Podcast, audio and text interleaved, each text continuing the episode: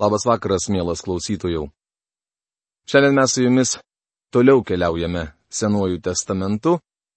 Paminate, jog esame Ezros knygoje ir šiandien toliau nagrinėsime penktą šeštą skyrius ir noriu priminti, kad šių skyrių tema yra šventyklos statybos atnaujinimas. Paminate, apie 50 tūkstančių izraelitų sugrįžo iš Babilono vergystės ir pradėjo dievų namų atstatymo darbus. Tačiau užupio srities valdytojas Tatnajas Šatarboznajas pareigūnai nusintė laišką karaliui Darijui, kad izraelitai atstato dievo namus Jeruzalėje. Todėl karaliaus Darijaus įsakymu buvo atlikta paieška saugyklose, kurios buvo įrengtos Babilono išduose. Ir Ekbatanoje Medijos srities sostinėje, aptiktas rytinys, ant kurio parašyta žyma. Pirmais savo valdymo metais karalius Kyras išleido įsaką dėl Dievo namų Jeruzalėje. Tie namai turi būti atstatyti kaip vieta atnašauti aukoms ir aukoti deginamosioms aukoms. Be to, rašo karalius Darijus, Šiuo įsakau, ką jūs turite daryti, kad padėtumėte tiem žydų seniūnams atstatyti dievų namus. Tų žmonių išlaidos turi būti tučto jau atlygintos iš karaliaus išteklių, paimtų iš užupios ryties duoklės. Ko tik reikėtų jautukų, avinų ar avių deginamosioms aukoms dangaus dievui, kviečių, druskos, vyno ar aliejaus kunigų reikalams Jeruzalėje, te būna jiems be perstojo kasdien duodama, kad jie atnašautų malonės aukas dangaus Dievui ir melstusi už karaliaus ir jo vaikų gyvasti. Be to, aš skelbiu, kad jei kas nors pakeistų šį įsaką, už nusižengimą te būna išplėštas iš jo namų sienojas ir te būna jis ant jo pamautas, te būna mėšlynų paversti jo namai. Tad žydų seniūnai pranašų Agėjo ir Įdojo sunaus Zacharijos dienomis spartino statybą. Jie užbaigė statybą pagal Izraelio Dievo įsakymą ir Kyro, Darijaus bei Artakserkso įsakus. Rašoma iki Ezros knygos šeštos skyriaus keturioliktos eilutės. Taigi, šventikla atstatoma, pasisėmus įkvėpimo iš Agėjo ir Zacharijo. Dabar pakalbėkime, kaip šventyklos atstatymo darbas buvo užbaigtas ir ji buvo pašventinta. Taigi šie namai buvo užbaigti šeštų karaliaus Darijaus viešpatavimo metų Adaro mėnesio trečią dieną. Izraelitai ir kunigai, ir levitai, ir kiti sugrįžę tremtiniai džiaugsmingai šventė šių dievo namų pašventinimą. Ezros knygos šeštos kiriaus 15-16 eilutės. Atkreipkite dėmesį, kad parašyta Izraelitai ir kiti sugrįžę tremtiniai. Apie ką čia kalbama? Žinoma, apie Izraelio vaikus. Ne tik Judo ir Benjamino giminės. Šie žmonės yra iš dešimties Izraelio giminių, kurias šiandien kai kurie vadina prarastomis dešimt giminių. Mano draugė, jos niekur nedingo. Jos čia, kartu su broliais, džiaugsmingai švenčia Dievo namų pašventinimą. Jie paukojo namų pašventinimui šimtą jaučių, du šimtus avinų, keturis šimtus eriukų ir kaip atnaša už nuodėmę dvylika ožių už visą Izraelį pagal Izraelio giminių skaičių. Ezros knygos 6 skyriaus 17 eilutė. Už ką jie paukojo atnašą už nuodėmę? Šioje rašto vietoje dar tiksliau įvardinama. Už visą Izraelį. Argi į savo šalį grįžo tik Judo ir Benjamino giminių žmonės? Ne grįžo žmonės iš visų dvylikos giminių. Pagal Izraelio giminių skaičių buvo paukota dvylika ožių. Nesakykite, kad dešimt giminių paklydo ir atsidūrė Didžiojoje Britanijoje, o vėliau keletas jų atplaukė į Ameriką Mayflower laivu. Tai paprasčiausiai netiesa. Čia aiškiai parašyta, jog ne viena giminė nepradingo. Jei kuri nors dingo, tuomet dingo visos, nes po tremties jos visos buvo kartu. Šiek tiek vėliau vėl rasime tam patvirtinimą. Paskos iškilmė. Sugryžę tremtiniai šventė pirmo mėnesio 14 dieną, nes ir kunigai, ir levitai buvo apsivalę. Visi buvo švarūs. Jie pjovė paskos avinėlį visiems sugrįžusiems tremtiniams, savo broliams kunigams ir savo patiems. Jį valgė Izraelio žmonės, sugrįžę iš tremties draugė su visais, kurie atsiskirdami nuo nešvarumo tautų krašte, buvo prisidėję prie jų ieškodami viešpaties Izraelio dievo. Su džiaugsmu jie šventė neraugintosios duono šventę septynias dienas, nes viešpats buvo padaręs juos linksmus, taip palengdamas Asirijos karaliaus širdį, kad jis padėjo jiems statyti namus Dievo, kuris yra Izraelio Dievas. Ezros knygos 6 skyriaus 19-22 eilutės. Pascha buvo švenčiama te praėjus penkioms savaitėms po pašventinimo. Jie liudijo apie Kristaus mirtį, mūsų Velykų avinėlį, kuris buvo už mus paukotas. Kai izraelitai susirinko aplink Velykų avinėlį, pagal Dievo žodį jie susirinko aplink viešpatį Jėzų Kristų. Ezros knygos 7-8 skyriai. Sugryžimas, kuriam vadovauja Ezra. Pradėsime nagrinėti antrą Ezros knygos dalį. Pirmieji šeši skyriai pasakoja apie žydų sugrįžimą iš Babilono į Jeruzalę, kuriam vadovavo Zerubabelis. Tuo metu iš Babilono išėjo apie 50 tūkstančių žydų. Žydai į Babilono nelaisvę pateko dėl to, kad nuolatos greždavosi į stabus ir Dievas juos nuo to Babilone gydė. Taip pat žydai nepakluso Mozės įstatymui, neleisdami žemėje pudimuoti kas septinti metai.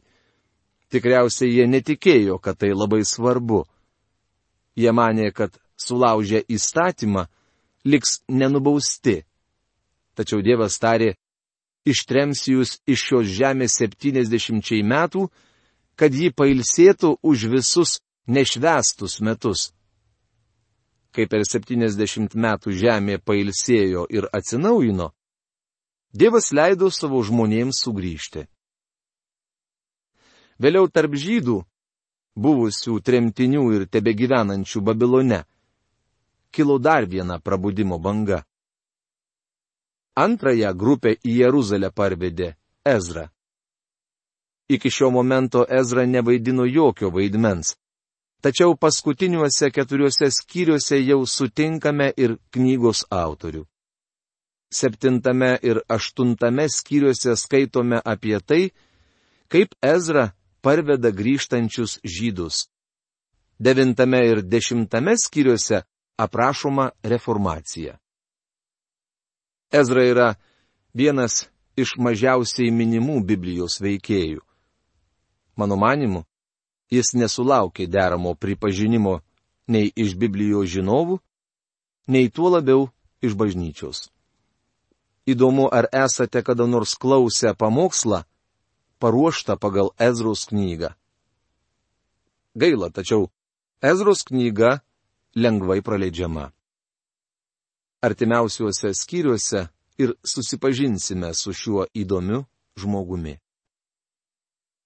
Po šių įvykių Persijos karaliui Artakserksui viešpataujant, Ezra, sunus Serajos, sunaus Azarijos, sunaus Hilkijos, sunaus Šalumo, sunaus Sadoko, sunaus Ahitubo, sunaus Amarijos, sunaus Azarijos, sunaus Merajoto, sunaus Zacharijo, sunaus Uzio, sunaus Bukio, sunaus Abišūvos, sunaus Finehaso, sunaus Eleazaro, sunaus vyriausiojo kunigo Aarono.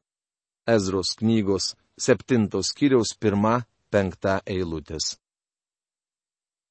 Būtent Artakserksas davė Nehemijui leidimą grįžti į Jeruzalę, atstatyti miestą, ir tai buvo Danieliaus didžiosios 70 savaičių pranašystės pradžia. Mes ją aptarsime, nagrinėdami Nehemijo knygą. Šioje vietoje mane domina ne karalius, bet Ezra. Kas jis? Ezra buvo Finehaso giminės palikuonis, Aarono anūkas, todėl jis priklauso kunigų giminystės linijai. Jei Jeruzalėje būtų veikusi šventykla, jis tikriausiai būtų tarnavęs kunigu, galbūt netgi vyriausiųjų. Tačiau šventykla buvo sudeginta. Akivaizdu, jog Ezra su pirmąją delegacija nenorėjo grįžti į Jeruzalę. Jeruzalėje jam nebuvo vietos ir matyt, jis tarnavo pasilikusiems Babilone. O dabar maždaug dviejų tūkstančių žydų grupė, kuriai vadovauja Ezra, ketina grįžti į Jeruzalę. Šventykla atstatyta, todėl jis turi kur tarnauti. Netrukus sužinosime, jog Ezra dar ir Dievo žodžio mokytojas. Finegas, Elezaro sūnus, Aarono anūkas, taip pat paminėtas šioje pastraipoje. Pirmą kartą šventajame rašte jis minimas, kai Izraelyje klestint ištvirkavimui ir stabmeldystiai, jo uolumas bei ryštas sustabdo Izraelį naikinantį marą. Pamenate, kai pranašui Biliamui nebuvo leista prakeikti Izraelį, jis išmokė karalių skatinti skirtingų tautų santuokas ir tokiu būdu pasaulietiškumas, kūniška prigimtis bei šietonas įslinko į Dievo tautą. Skaičių knygoje 25 skyriuje nuo 7 iki 11 eilutės skaitome, kaip vienas iš izraelitų paėmė į žmonas midjanietę moterį.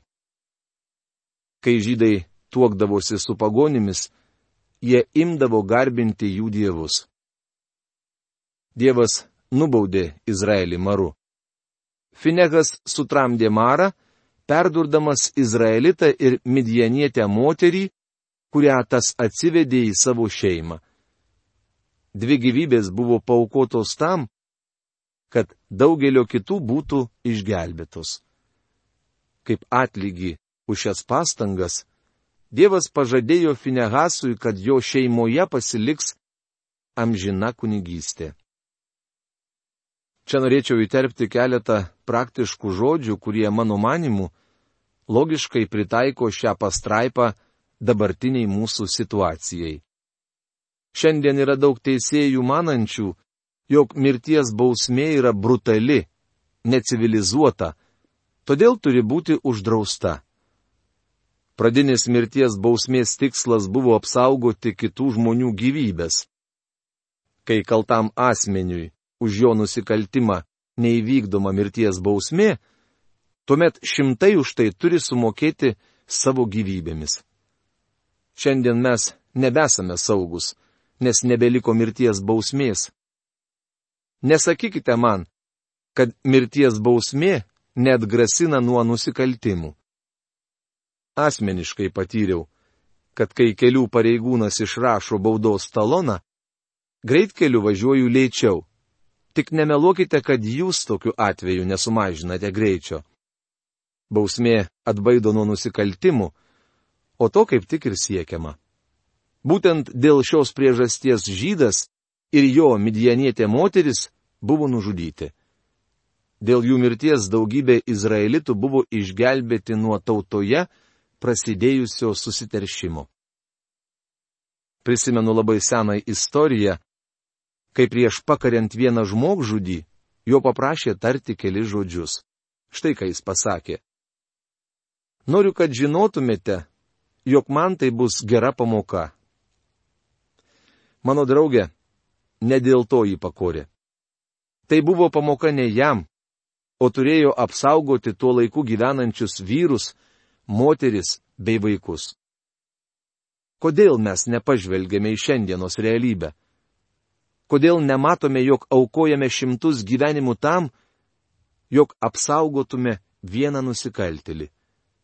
Dievas taip nesielgia, nes jis trokšta išgelbėti žmogaus gyvybę ir žino, kokia sugedusi gali būti žmogaus širdis. Dievas sako, širdis už viską vylingesnė ir nepataisomai pasiligojusi. Iš Finegaso, vieno iš Ezros protėvių poelgio, galima daug ko pasimokyti. Taigi tas Ezra parvyko iš Babilono. Jis buvo raštininkas. Žinovas Mozės įstatymo, kurį buvo davęs viešpats Izraelio dievas. Kadangi viešpaties ranka buvo su juo, karalius buvo suteikęs jam visą, ko tik jis prašė. Ezros knygos septintos skyriaus šešta eilutė. Ezra buvo raštininkas, žinovas Mozės įstatymu. Kadangi jis negalėjo atlikti kunigo tarnystės, tai leido laiką nagrinėdamas Dievo žodį. Netrukus jis jau galės panaudoti tai, ką išmoko. Pamatysite, jog jis vėl ir vėl vadinamas įstatymo žinovu. Ezros 7 skyriaus 21 eilutėje skaitome, kad Ezra Babilone netgi karaliaus akivaizdoje garsėjo kaip viešpaties Dievo įstatymo rašto žinovas. Jis buvo Dievo žodžio mokytojas. Kai kurie iš izraelitų, kunigų bei levitų, giesmininkų ir vartininkų bei šventyklos tarnų parvyko į Jeruzalę septintais karaliaus Artakserkso metais. Ezros knygos septintos skyriaus septinta eilutė. Babilone tarp žydų kilo dar vienas prabudimas ir šį kartą į savo žemę panoro grįžti apie du tūkstančius žmonių. Jie atvyko į Jeruzalę septintų karaliaus metų penktą mėnesį. Kelionė iš Babilono buvo pradėta pirmo mėnesio pirmą dieną ir penkto mėnesio pirmą dieną jis atvyko į Jeruzalę, nes su juo buvo maloninga viešpaties ranka.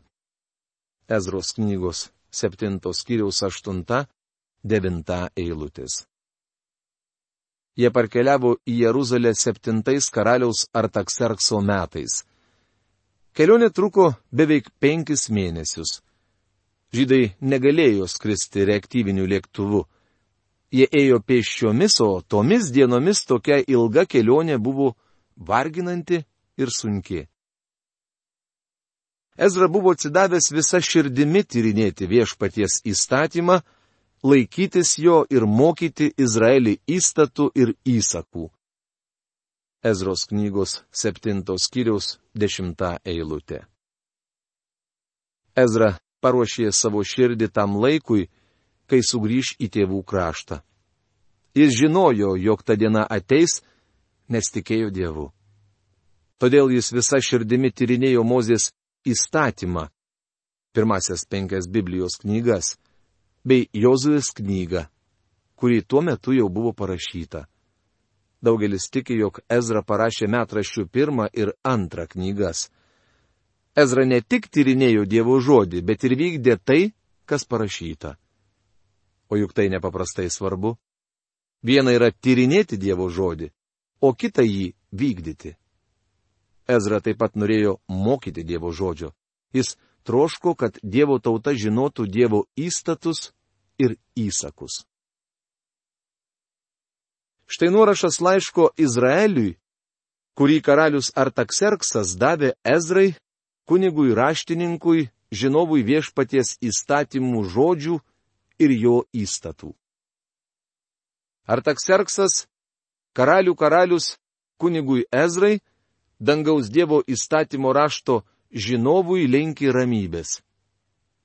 Dabar aš skelbiu įsaką, kad kas tik mano karalystėje iš Izraelio žmonių ar jų kunigų bei levitų laisva valia ryštasi eiti į Jeruzalę, gali eiti su tavimi. Ezros knygos 7 skyriaus 11-13 eilutės. Artakserksas išleido įsaką, kuris leido Ezrai ir jo pasiekėjams grįžti į savo šalį.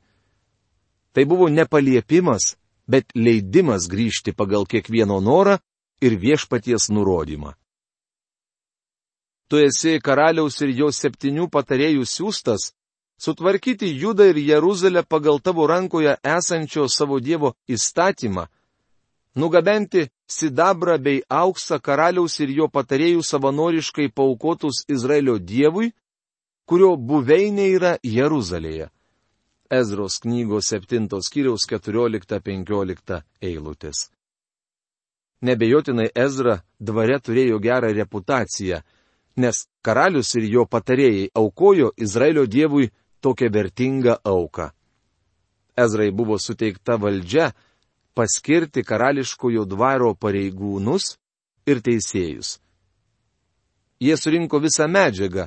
Vėliau Ezrai buvo duotas kar, kar, kar, kar, kar, karaliaus įsakas ir žydai pasiruošė keliauti. Įsakas atskleidžia begalinę pagarbą Dievui. Pastebėkite, kaip jis užbaigiamas. Kas nepaklus savo Dievo įstatymui ir karaliaus įstatymui, turi būti nubaustas nedelsiant ar mirtimi, ar tremtimi, ar turto atėmimu, ar įkalinimu. Ezros knygos 7 skyriaus 26 eilutė. Žinoma, šis įstatymas buvo skirtas atvykusiems į savo žemę žydams. Kitaip tariant, jei jau jie grįžta į savo šalį, tai turi laikytis pagarbių santykių su Dievu. Kita mūsų laidą mes su jumis pradėsime klausydami, kaip Ezra dėkojo už tai Dievui. O šiandien savo laidą baigiame. Iki malonaus susitikimo. Sudė.